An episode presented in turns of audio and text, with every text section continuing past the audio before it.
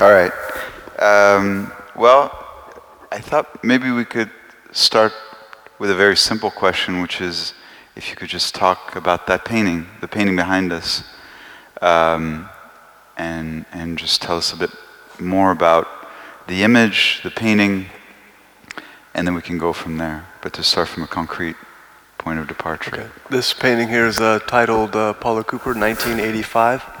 And I had first found out about Paula Cooper, not the gallerist, but uh, this other Paula Cooper from Lake County, Michigan, who um, um, at the age of 14 um, had uh, was involved in a robbery in which she uh, murdered the victim of the robbery. And then she was tried and convicted as an adult uh, at age 15 and was sentenced to death. And this made Paula Cooper the youngest convicted murderer in U.S. history. Um, and at the time, I had an interesting fascination with it. Not only the circumstances were so, uh, such a, almost like a perfect case scenario of a, a whole system that this would lead up to, where a young teenage girl raised in terrible circumstances would enter into a kind of uh, situation like this and then be sentenced to death. It, it, you know, it's it's really heavy, the whole thing. Um, then in 2013, I was reading the New York Times, and there was a, a painting made by Rudolf Stingel of the gallerist Paula Cooper that was presented in Art Unlimited at Basel, and it was a black and white photograph of Paula Cooper, the gallerist from 1973. Very romantic image of her smoking a cigarette, kind of looking longingly off into the future. And the painting of Paula Cooper was sold by Paula Cooper for 4.2 million. And there was this uh, very uh, beautiful article in the New York Times talking about the health of the art market, what a kind of uh, tribute this was to this great woman, this uh, important uh, figure in the cultural scene, and also kind of what a conceptual, uh, almost uh, tongue in cheek gesture the artist had made. And I remember looking at this image and thinking, wow, well, sure, she's interesting and all these things, but she's also just like an art dealer, you know? And what about the other Paula Cooper? The one who didn't grow up in this system, but regardless of how either of them grew up or entered into their respective situations, I just felt that the other Paula Cooper also needed a painting that was in the same size and the same style as this one. And uh, it just so happens that the painters that Rudolf Stingel uses to to produce his paintings. Uh, the uh, company I work with in China for uh, other bodies of works also produces his paintings. So I had uh, located this image of Paula Cooper, the convicted murderer. Uh, this is actually her mugshot taken by the police department. So the, the police are the the police department is the photographer here. The picture of the Paula Cooper, the gallerist, I think was uh, Helmut Newton had taken. But and I had a painting uh, commissioned in the same style by the same people in the same size. In the same size. Yeah. And then maybe, uh, well, I, I was going to transition from that mm-hmm. to, it's it. We can because there are two works by Mike. There's this work and there's the 16 by 9 film in the other space. Um, and, and I think what's interesting about your work, among other things, is that you, you if, you, if you have images of, of your other paintings or mm-hmm. of other paintings, um, you, you navigate between different modes of composition, but also of, of of working with a lot of freedom, with a lot of uh, freedom in the sense that, that you, you choose um, different modes of working, some of which have a very strong historical reference, uh, but you seem to choose them in relation to a specific piece. So in this piece, you're, you're selecting a single image, which you're reproducing in the same size, color, scheme as another existing work. Um, but in other paintings, such as this one, you're using several images and, and doing something closer to collage and a kind of uh, um, juxtaposition of different cultural elements. And um, I thought maybe that, that that could be something interesting to talk about because it doesn't it doesn't seem to me that you're really in a logic of of what's called appropriation. It's not about wrestling for ownership over anything or or even calling into question any kind of authority or authorial discourse. It's more about producing and opening up a space for thought, a space for reflection, uh, a, sp- a question also by the placement of different things from the world, whether it's a, a mugshot or a film poster. Um, and when we were talking earlier on the train, you were talking about how you were more interested in misappropriation than appropriation. So maybe, maybe if you want to sure. talk about that. I, um, I, I don't know if anyone knows this term misappropriation. Generally, it's used uh, in regards to financial crimes, like a misappropriation of funds. Uh, you work for the city and uh, or a bank, and instead of taking the money uh, for an intended project, you perhaps put it in your own bank account, or you send it to a friend, or you uh, build a bridge instead of a house. And uh, misappropriation, it's taking something that's uh, using something not for its original intended use. and I think that this is a, for me, a kind of way of operating as an artist in, in many regards, particularly in regards to uh, images. And I've been in, interested in, let's call them uh, pictures that want something from us, that are a big part of our everyday landscape. This happens to often be advertisement or mass produced images. And this uh, scratch in my stomach I get from uh, images that I feel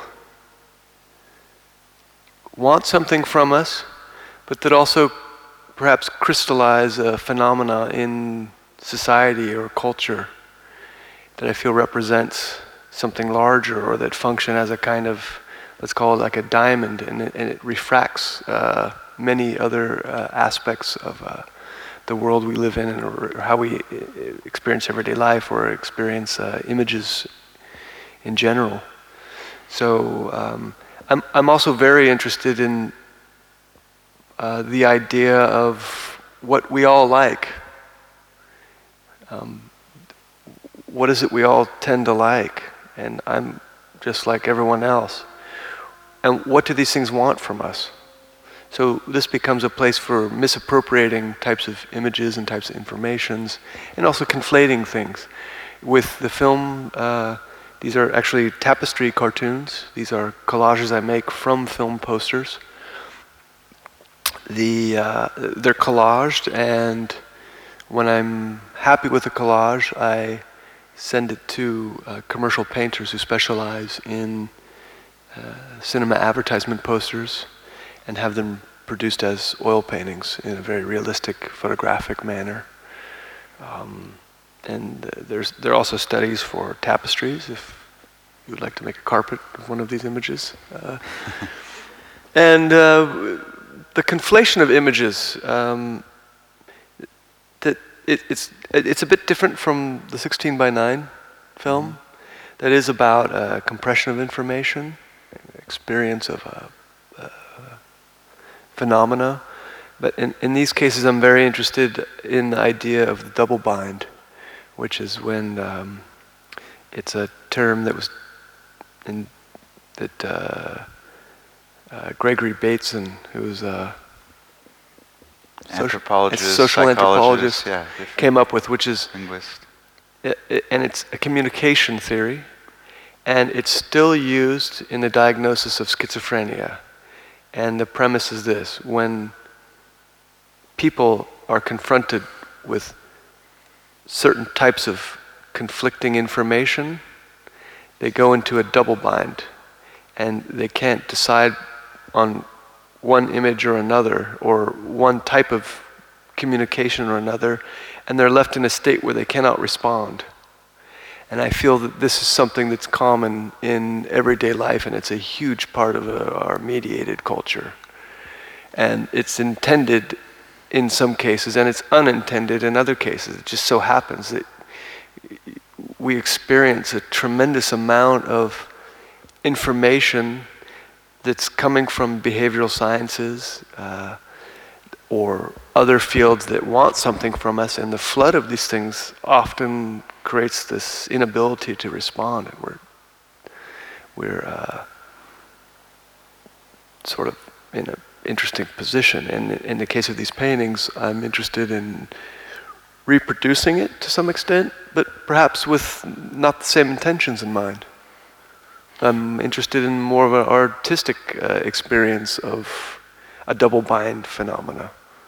Well, there's also a, a um, there's also a, a very specific. There's a specificity to the aesthetic and formal decisions you make in each work. Here, you're isolating an image, which, in a way, isolates something by isolating something and and um, ah, sorry, making it bigger. you you draw you not you don't only draw attention to it, but you you give attention to it. You ask that people give attention to it, and and actually, in the case of, of this painting, perhaps look into the story of the other Paula Cooper. In these images, you're creating more of a kind of blur between the, the two or three, however many images you're using in the tapestry, which which operates to not just show sometimes formal uh, similarities between the two, two elements, source elements that you're using, uh, but also to, to create a kind of visual blur. You know, an arm becomes a, extends into a road, a road extends into a face. Um, what's interesting, there's, it's almost like a spectrum. At the end of the spectrum, if the beginning of the spectrum is this painting, at the end of the spectrum, you'd have something like 16 by 9, where actually the, the for those of you who have, who have seen it, it's, it's 144 action films that are tiled together and they're shown in the other building. And it creates a kind of noise from, from these visual elements that are very compelling, very narrative based. You create a kind of flood of noise. And in, in my memory of seeing it, what was really interesting is a moment at the end where the films slowly turn off. And towards the end, you can start to look at individual films on their own. But there's a moment where you, you can't actually, your attention is drowned out by the quantity. And so it, it seems like you're, you're, if you're using and misappropriating, misappropriating cultural material, you're also doing it in a way to, to give us different experiences that, that run the spectrum of relationships we can have with an image, an image that we think about to the flood of images that, that just surround us, overwhelm us, that we, we ignore more or less, or that hit us in unconscious ways. Um, how does that operate for you? Is it, is it, is it Well, there's a, a, a massive range of uh, experiences I think one wants to in, investigate, or in, in, with any artist, I would think that, the, um, with the exception of maybe uh, certain minimalists, um, it's a much more uh, distilled examples of a intellectual position or something. Uh, it, it, varies drastically. It also varies from piece to piece. Um, um, I sort of consider myself a conceptual artist, but in the end, I'm also interested in in very subjective decision making that's divorced from that, so that a viewer still has some interesting uh, or, uh, experience that's maybe things that you can't explain. That when you see a piece, and oftentimes I think with art that I like very much, I can't quite explain what it is. And an interest in that it manifests in certain works, like 16 by 9. Um, it- it, starts off with this idea of like, let's see what happens if I start combining these, and then as you're working through, uh, you start making decisions uh, that uh, shift the work towards certain types of interpretation, and, and it's a more open, abstract, but also uh, physical experience. Whereas a work like this, this is more of a, a gesture, and it has a much more finite. Uh, the, the parameters of this work are defined by the reaction I have Mhm. to this particular piece. Uh, I try and fit whatever materials or methodologies to uh, to the piece itself. Uh, for instance, in the case of the paintings, it's one thing, and, and again, the decisions are much more subjective. It might just be that I'm like the composition for formal reasons, and it's often the case. Um, I might have a, I start off with a premise, but the end piece is still something I might not be able to explain so well. Um, but it, it changes from piece to piece, really. Um, certain bodies of work I revisit year after year. Other things like this work uh, struck a particular chord, and I had the work made, and then I, I, I wouldn't revisit it. You know? Yeah. Yeah. It was a reaction to a moment in time. And they're also in, in the same way that you're you're using and referencing cultural material. It seems like you, you use and reference. Um, I don't know how to. I don't know whether to call them formal or aesthetic or even almost art historical modes of, of making work. But you but always always with the in- introduction of an element that that that that takes it somewhere else. So, for example, I, I was thinking of the the piece you made in Zurich, the Zurich Load, which is which is um, if these pieces somehow touch upon the, the language of pop art indirectly or directly, uh, the Zurich has a very strong visual affinity with, with a certain type of minimalism, namely Carl Andre, but your, the material itself and the physical experience of being in the room with the material takes it somewhere else. Maybe we can explain the piece. Well, with this piece, uh, um, if anyone's, uh, uh, let's see, I was invited to make a, an artwork uh, for the Manifesta in 2016 in the city of Zurich. And the, there, there was this uh, proposal that the curator suggested, which is you work with someone in the city or you work with someone in an industry and you pair up with them to make an artwork and you were given a list of, uh, I think, about 500 different companies or city departments that that you could work with, you could choose from. And I looked through the list, and I immediately saw that the sanitation department was not on it. And so I said, "Well, what about the waste department?" And they said, "Well, I don't know. We can ask." And so I went. They asked, and there was a some enthusiasm on their part to have an artist come at least visit the waste treatment.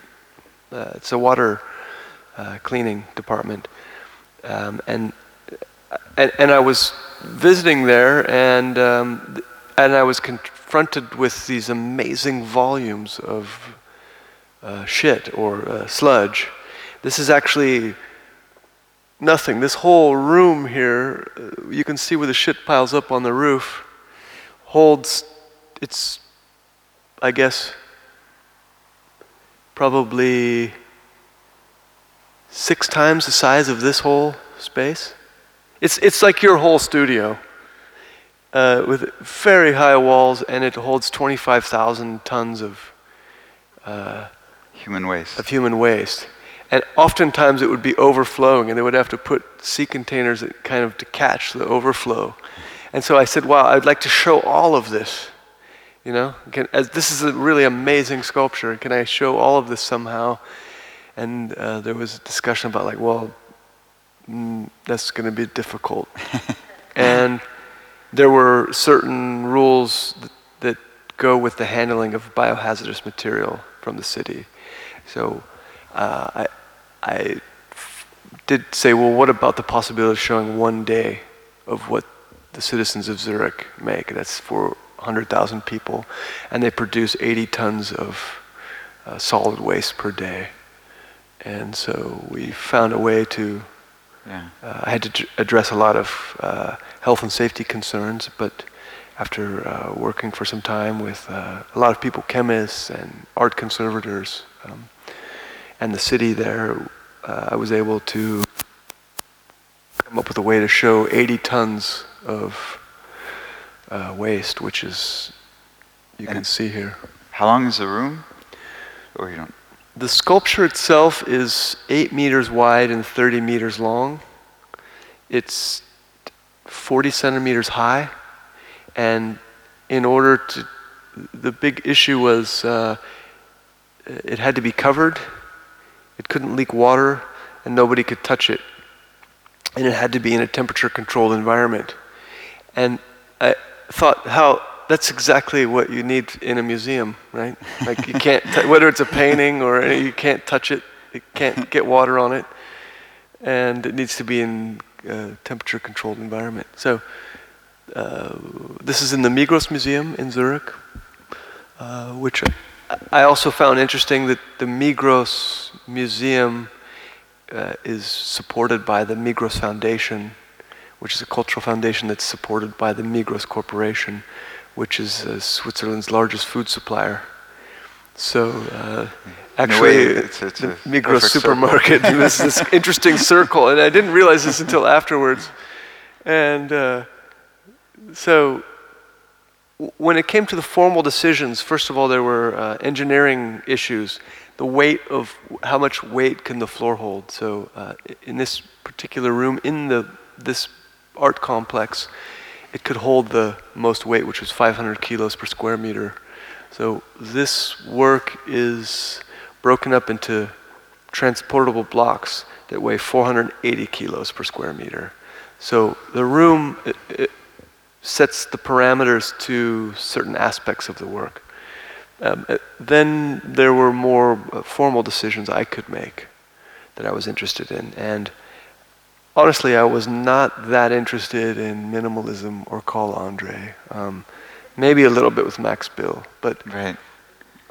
I, I was I was much more interested in our connection to large blocks of hand pressed material and how uh, th- how that goes back in the history of human civilization Like bricks. like bricks. Early bricks were made from shit.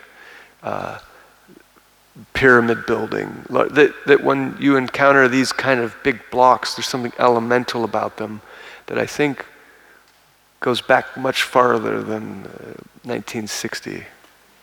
And, and it was important to me that each of these blocks was pressed by hand. Um, there's pictures of the, from the production here.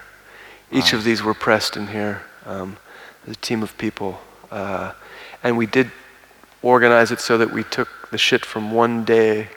This was advertised in the city, and that this was a communal artwork that the whole city helped make. Do you have a pic? You don't have a picture of the truck. I don't have a picture of Oh. the truck, but essentially, there were the sanitation trucks for uh, a month before April 24th were pictures of uh, advertising, like um, you're all with us. You're you're all helping to collaborate. Make- make. It's mitmachen in German. You know, it means making with. And um, and I say this quite seriously. I did want people to come to see this sculpture and have a sense of community and have a sense of wonder and be able to enjoy looking at the material and not be put off by uh, the abject uh, elements or aspects of uh, what you think of as shit, that it starts to turn into this other uh, unformed material that uh, is is about uh, collectivity, um, and also span a notion of history. That that the entirety of what we think of as like civilization had so much to do with uh, our ability to manage our own wastes and, and all of these things and, and bring it up to now where we can the fact that we can all walk around these blocks of hand formed material in an art museum is a massive positive like leap of uh, of uh, civilization. And and it was a very basic question, but it smelled, right? Or how, what was the It, it smelled. Uh, there was uh, great steps made to reduce the smell, and uh, there was some issues. Uh, it gets this turns into a whole other uh, when when you propose a piece and you you you start working through something, and, and you realize a work. There are repercussions and and uh, or uh, let's say interpretations of the work that you learn about.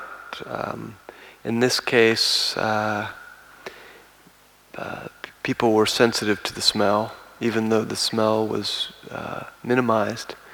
It was not dangerous. It was basically the smell of a zoo when you're near the elephant section. But I think that people knew or that it was human freaked people out, you know, and in particular it freaked out other residents of this building uh, in the arts community. Right. Um, and that was a reaction I didn't expect, but it's interesting to learn about. Um, and then uh, the museum itself also failed to acknowledge that they had a functioning temperature control or ventilation system, Yeah. which complicated uh, the, uh, the- Communication. yeah, and, and there was a lot of uh, pressure to remove this artwork from people in the arts and also people from political parties. Um, last summer, the right wing party tried to pass a law in parliament that would uh, require artwork that got even 1% of public funding would have to be approved By- through a political process, uh, and this was the reason. this they quoted this artwork as the, this is what happens, what if you just let, uh, you know, artists run wild, W- w- which is actually the entire opposite of how the piece was developed. It, it was done with the people of the city, with the actual like citizens uh, uh, and the sanitation department. It was a very heartfelt uh, endeavor and had a lot of really positive public support. But uh, it's interesting when a piece flips around like that. Um, maybe, maybe just to continue without to talk about two more pieces, Yeah. and then we can talk more generally again. But um, actually, to bounce from this one, you made another piece that deals with smell in a very, very different way, which is the tender, the piece of ti- titled tender. Um, just also to give people an idea of the range of different ways in which, um, and then something we can go back to. There's there's a um, a way in which you're interacting with the things, that the, the source material that you bring into each work, whether it's human waste or a film image, that's both cultural, conceptual, but also very physical, you know, material. Uh, everything becomes a, a, a kind of cultural material um, in a very interesting way. So maybe I'll, I'll let you talk about this. This is actually a difficult artwork to show uh, in a visually because the artwork is invisible. It's uh, quite some years ago. I had the idea of uh, making the synthetically producing the smell of U.S. dollars, in particular handled dollars, that, that have a very strong smell uh, because of the paper and because of uh, the circulation of notes. That U.S. dollars are stinky. It's different paper. It's different paper. There's a lot of cotton in it, and I had you just have this idea like, oh, this would be great to make the smell. And making the smell uh, turned out to be a very complicated process. Um, it took actually many years. I, I've worked with the fragrance and flavors industry in quite a few projects, and knowing people. And every time I would meet someone new, I'd say, "Hey, do you think someone might be interested in helping uh, develop this smell of?" And uh, I- always got uh, a no answer after a few days. That They would answer, eh, which is strange because people developing new smells in the fragrance industry is a, a very important thing for, for that industry. They develop uh, the library of synthetic smells, I think you probably won't find anything left on the planet that hasn't been reproduced synthetically as a, an aroma. There's very few things left.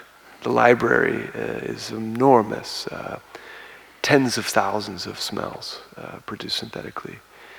Uh, so after some time, I did meet, uh, find a company, and the communications director was very enthusiastic about this because their senior perfumer was very interested in art and more abstract notions of smell. So it took the perfumer 13 months uh, to develop the smell, and there's over 100 elements. Um, the, the main components of the smell are paper, old paper, um, ink, and uh, a huge range of uh, human fat smells um, hay, butter, human sweat, photocopy paper, leather, um, uh, all of these things that created this smell. Uh, so you could hold money on one hand and smell the, the synthetic perfume on the other, and it smelled the same. Uh, and my idea was to exhibit this in um, uh, the only thing in a gallery I work with in New York, in Chelsea. And the, and the gallery is quite big. Mm-hmm. I think it's a, a, thousand square meter space. Um, very typical Chelsea massive white cube and that when you enter into the gallery, there's nothing to see. You smell dollars. But I also, that as a sculpture, it's filling up every molecule of the entire space. So on one hand, it's totally empty and also totally full. It's invisible but completely full. And the smell was uh, pumped in through the ventilation system of the gallery. And I had we, we'd planned the opening a long time in advance, and the work had been in production for quite some time, and the opening date we had scheduled months in advance was the same day as Donald Trump's inauguration. By accident. By accident, or happenstance. And I thought that that coincidence was uh, interesting. That the day before Donald Trump became president that, that sort of pump, releasing the smell of money in New York in a big white cube. Uh, and it was interesting. There were uh, there was uh, a range of reactions, but this was basically the piece that I, I made. It was interesting. I, I, never saw the Zurich piece, but I did see this piece, and it was very strange because at, at first the smell was familiar, but it was overwhelming it's, a, it's like hearing a sound at at a different volume. It kind of takes on a different quality. But I do remember stepping out of the gallery at one point and smelling a dollar bill in my pocket, from my pocket, and realizing that it was the smell. It's just that you never, you never smell money that, that intimately, and you never, it, it never uh, permeates your environment in the way that it did here. And it was a very strange experience because it, you can't say that, I mean, the gallery didn't feel empty. In fact, it, it felt um, more oppressively full than, than if you had filled it with, with objects. It, it, it, it, it yeah. Uh, that's what I was hoping. And, and, it's interesting that smell actually um, goes back to something much older in our brain. It, it speaks to the uh, amygdala area, it's the limbic system and smell connects to uh, more base emotions and more base uh, memories. It, it, functions totally different from how your eyeballs function with your brain or even your fingers. And if you think about it, makes a lot of sense. When early as animals were literally crawling around and smell, we had a much more developed sense of smell, and it was extremely important. It was your survival was based on it. So that to experience an artwork through this older part of our brain was also very interesting to me. And I very much, you know, maybe it's simplistic, but I think money is extremely important, particularly in America. That it's not just a fascination, but it's, it's, it's everything, and it's people's whole way of thinking and being, and Mm-hmm. everything they're striving for. It has replaced scrounging around looking for berries to eat, is really scrounging around looking for money to, to get. Mm-hmm. And that to be able to create that synthetically or uh, at least remind people that that's an important aspect. It's this thing that it's so important you should really become familiar with the smell. Um, so the work, uh, people in the art world, of course, saw it, but there was a. Strangely enough, there was an. ar- There's a popular TV show called U.S. No, the Today Show. I think it has a, So one of the most one of the most viewed, popular. uh, 11 morning morning show. morning show. I think there's like 11 million viewers or something every morning. And uh, actually, it doesn't name me, but this interesting thing happened.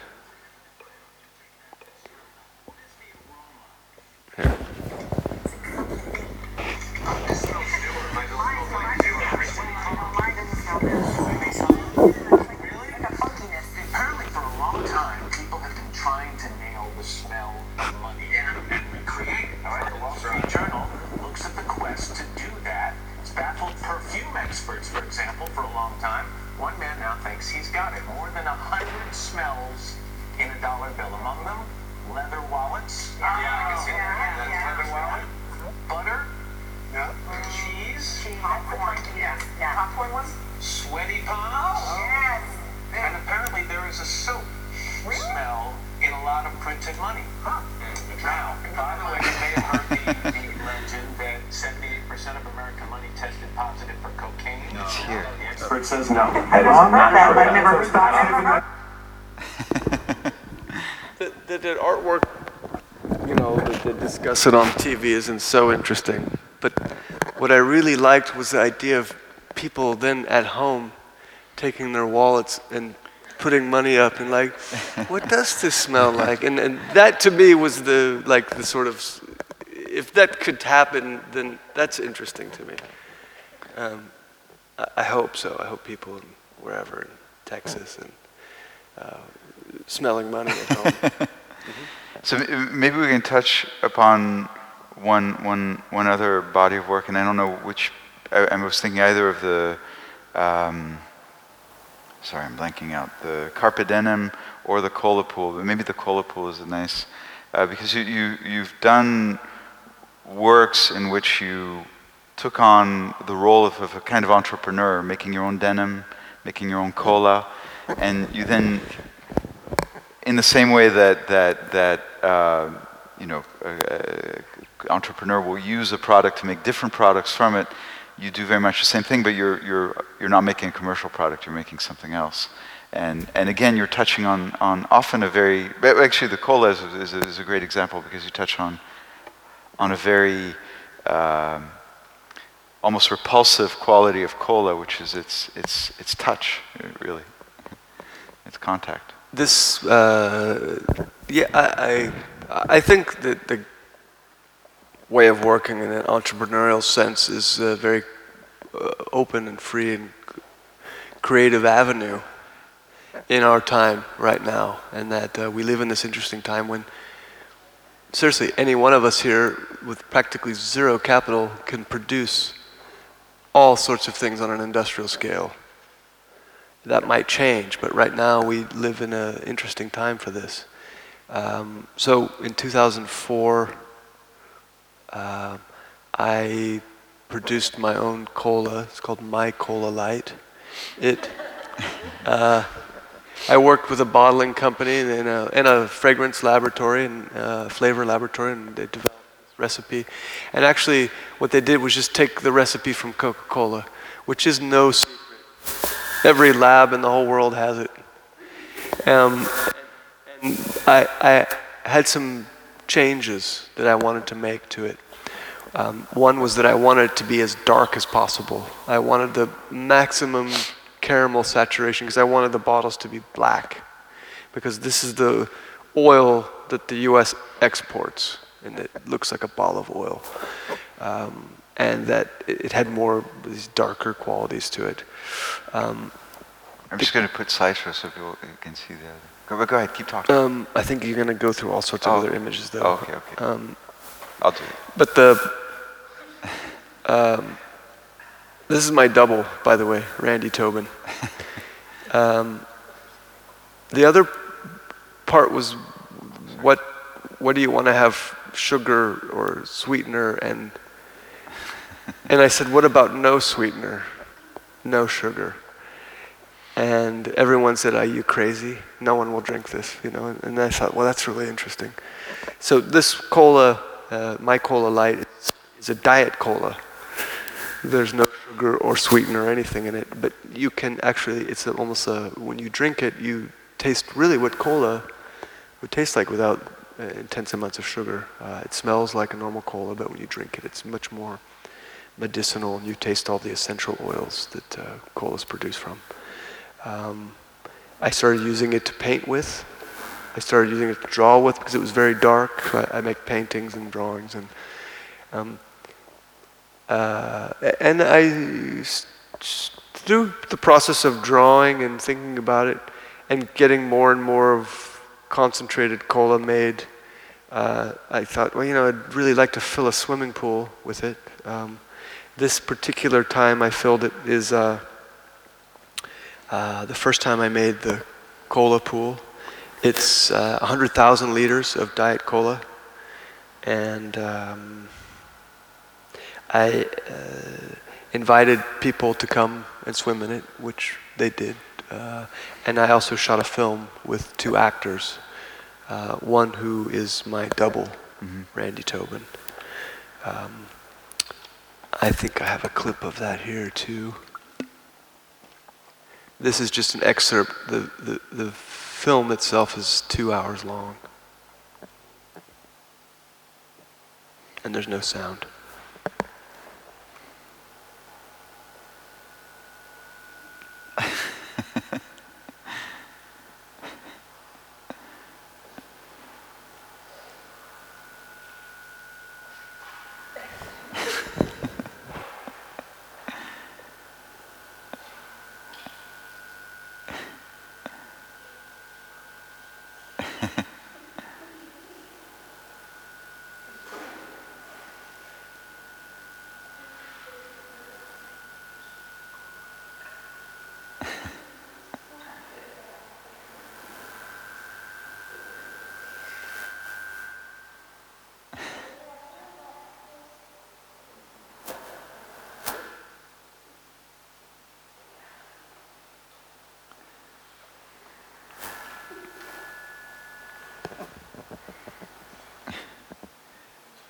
And since then, I've realized the, this cola pool in a few situations. One is um, on the roof of the Americano Hotel in, Yeah. uh, in New York. Um, that was smaller. I think that was only uh, 15,000 liters. Um, but nice. It was on this hotel pool, and you could swim in it there. Um, I uh, last September filled up the public fountain in a town in Bulgaria. And I can see it here. And this was, was 70,000 liters.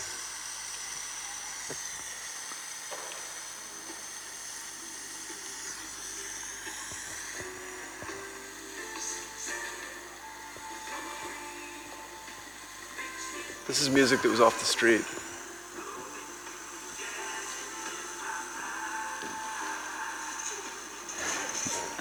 And it was interesting that there was a permanent rainbow from the oils of the cola at all times of the day.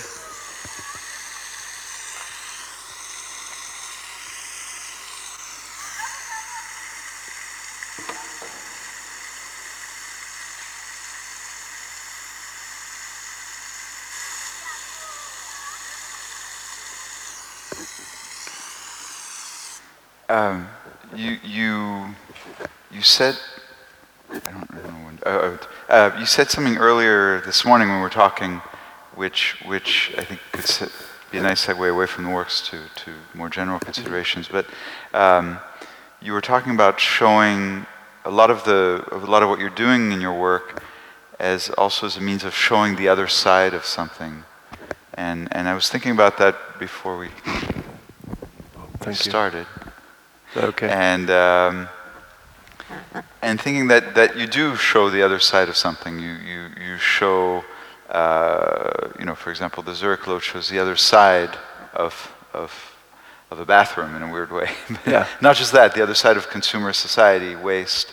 Um, but but you do it in a way that to me doesn't feel judgmental. It feels more um, as as if you're sort of casting a spotlight on something, um, or or placing two or three different things in a kind of juxtaposition and an interaction, and seeing what emerges from that confrontation. Um, but it doesn't seem like you do that with a, in a, ever in a moralistic or judgmental way. It's it's more uh, more of a question than a than a than a. It's it's it's more of a critical question than a critical commentary. I would say. I think this is something that runs through a lot of my work. Um, it's it's it's an impulse I have. Um, I- think that and it's in it's in a lot of art, but it's not necessarily pu- pulling back the view on something. It's I think it's more related to um, we're in this room talking, and through art, there's an interesting way to click on a bunch of lights that were in the back of the room you didn't realize and click click click and then all of a sudden you realize oh that room's a lot bigger. There's more space back there and oh uh, it, it changes the color of the walls even. And i think that art has the ability to do this even within our own minds. Mm-hmm. That's something i really believe. But uh, in the case of this painting it, it is about saying like oh you know there's also this other paula cooper or oh you know what these films but when you look at them all together in a certain way this the room gets lit up this way. Or in the use of um, misappropriating uh, uh, certain materials like uh, dyed cola or that they're also things that you can take ownership of and and can be used for creative purposes. In, in the same way that you would use a charcoal or a pencil that th- that's a way of opening up the room of looking at materials in a certain way and, and that those have their own values and, and strengths uh, to touch people uh, so uh, it's a it's probably a bit of an impulse that I have. Some of it's developed through time of working through things. Other things are um, more gut reactions to circumstances and situations. In the case of making site-specific works, that's the case. That generally, you go and you experience a space or a room or a time, and what are the reactions you have, and then investi- investigate those reactions. It's, oh. Is that do you think? no, no, no. Sorry, it's just the sound something happened with the sound. Of, But do you, does that what? Yeah, or, or, or we were talking actually about the, the, the piece you made in Colombia, uh, Carpe Denim, where you worked with uh, factories, local factories that produced jeans for the U.S. market. You fabricated, again, your own jeans with your own design, but then you hired planes and airdropped uh, the jeans back into onto the places that had fabricated them, uh, which is both a humorous yet a, yet a very pointed way because the airdrop is such a common, it's so strongly associated with, with US, uh, let's say, military or post military presence, either whether in Europe or in other places. Um, but it's a very humorous and at the same time um, non-confrontational way, confrontational meaning with a, either with the audience or with the local context, of showing really the other side of something, showing, showing where jeans get produced, how jeans get produced, what, where those things come from, which we never, we know abstractly, but we never think about, rarely think about concretely. Sure. I, I think that that positioning uh, in art, uh, that, that's part of my criteria. That I think is is a part of uh, uh, what makes an artwork good. Uh, is to all of this is also very self-deprecating in my case. That I'm not exempting myself from any of this. I'm not pointing a finger. I would like these experiences and things to be open, that we can look at them differently. In the case of uh, uh, Carpe Denim, um, it, it, it involves a kind of path of where work starts and where it ends and how it keeps continuing, and then how it manifests as it continues. Uh, and in many of these cases, uh, the, the, the formal decisions I make towards at, when an artwork is presented has much to do with not even an original concept, but what will a viewer experience when they come in and look at this? I, I'm interested in that initial response. Might not have anything to do with why I made the work, but in the case of Carpe Denim, I had been sewing my own jeans for some time from uh, drawings I had, and uh, uh, I, at one point I thought, well, would, it would be maybe an interesting sculpture to have a thousand of these jeans as a pile. And then I started, I couldn't do them all myself at the time, and I started looking into where can I get them produced. And it led me to uh, a sewing factory in Colombia that at the time had been making jeans for uh, more high-end designers, Diesel and some other. Um, and so uh, I got in touch and made a contract to produce the jeans there. And then I was thinking about Colombia, the country of Colombia, and also thinking about the United States in general and how so many things they drop out of airplanes.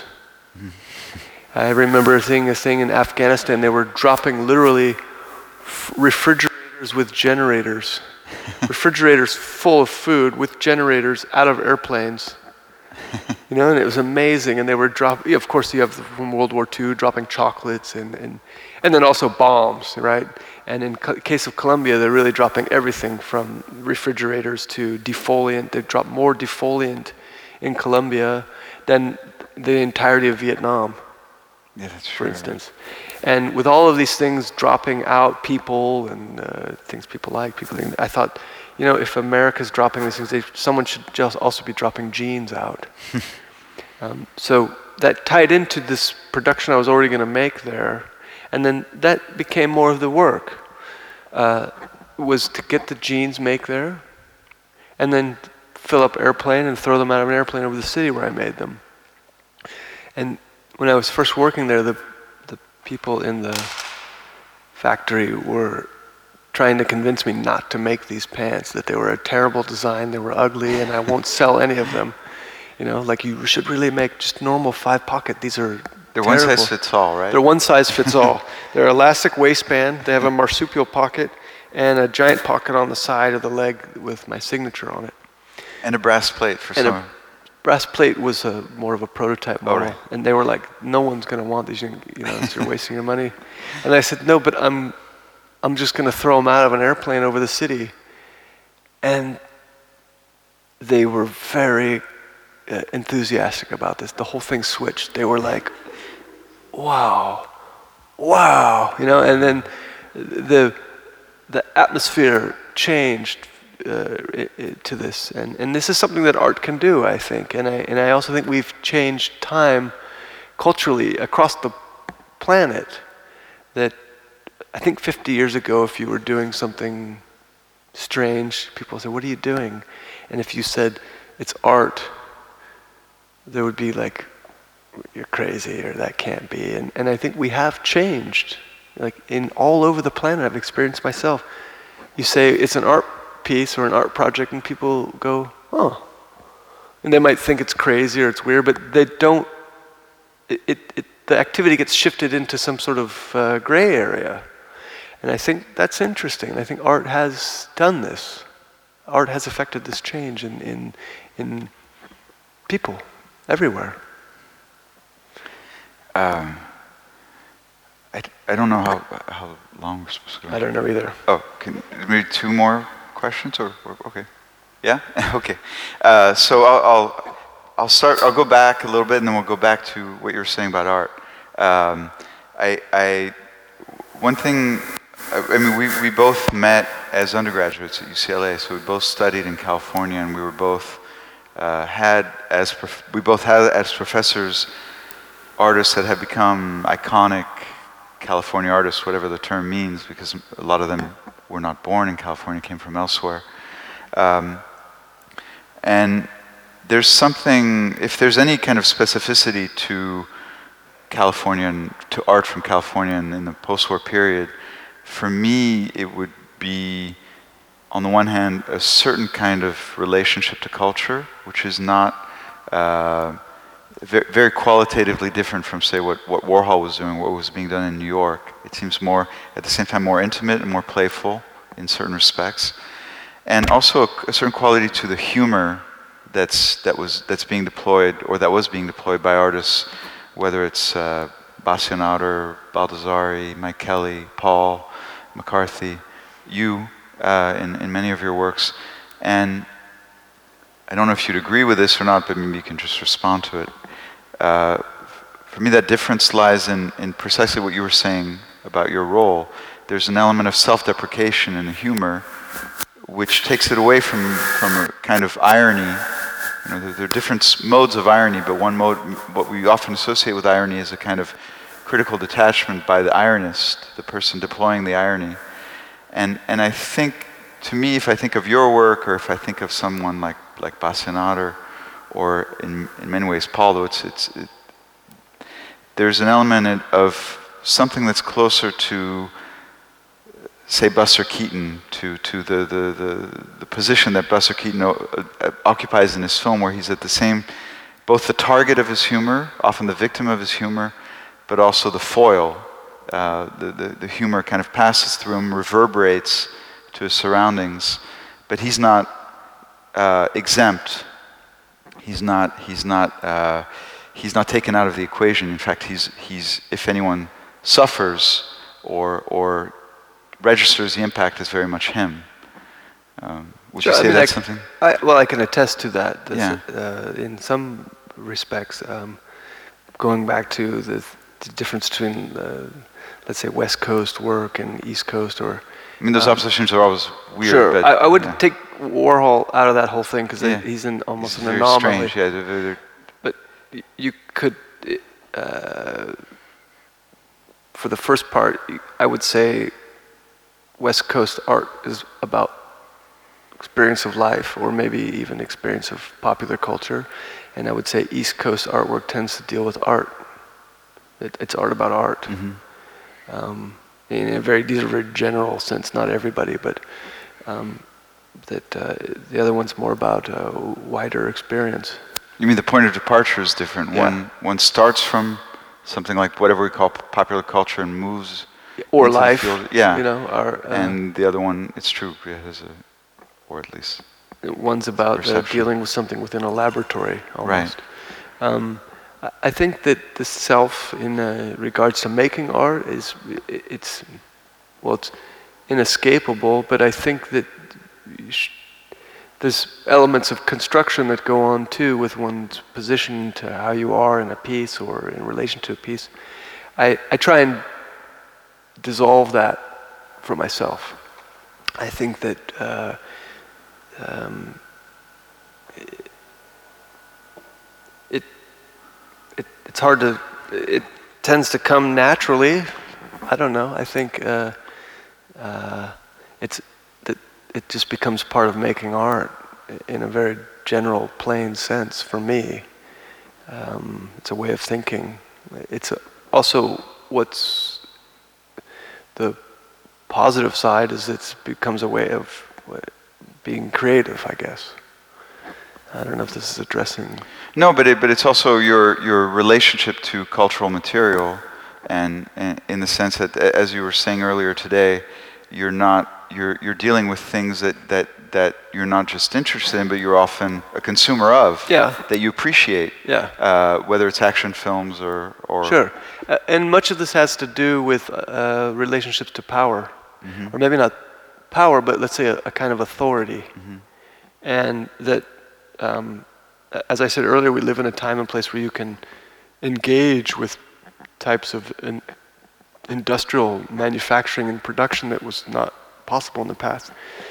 You can engage with a kind of uh, power or authority through working, and I think that engaging with authority is something that all artists have done throughout history. It, it's a let's say that's a central element to to art or being an artist, not just modes of representation, but what is this art about? What is the meaning about? It, is oftentimes uh, in, in relation to uh, those kind of structures. In the case of my work, I think it's coming directly from that, or it's related to that, and that's personal. I um, I'm interested in the things that everyone's interested in, I, and I'm also very interested in giving people what they want.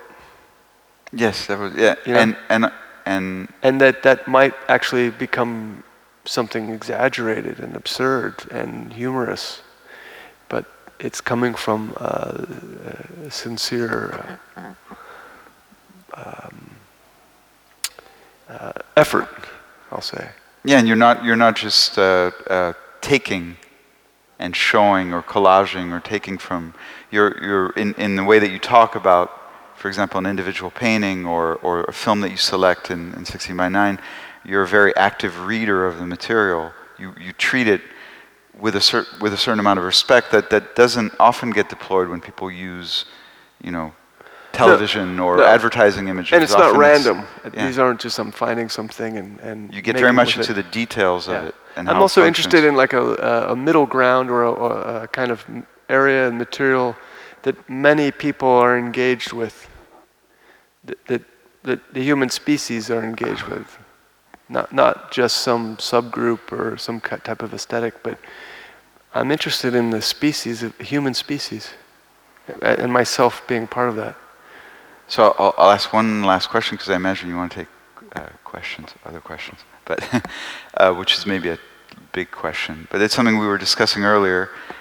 Um, in, in a lot of what you were saying, you were talking about the potential that art has to create another space for looking and thinking at these things, whether it's uh, jeans or entrepreneurship or advertising or, or our relationship to images or relationship to waste.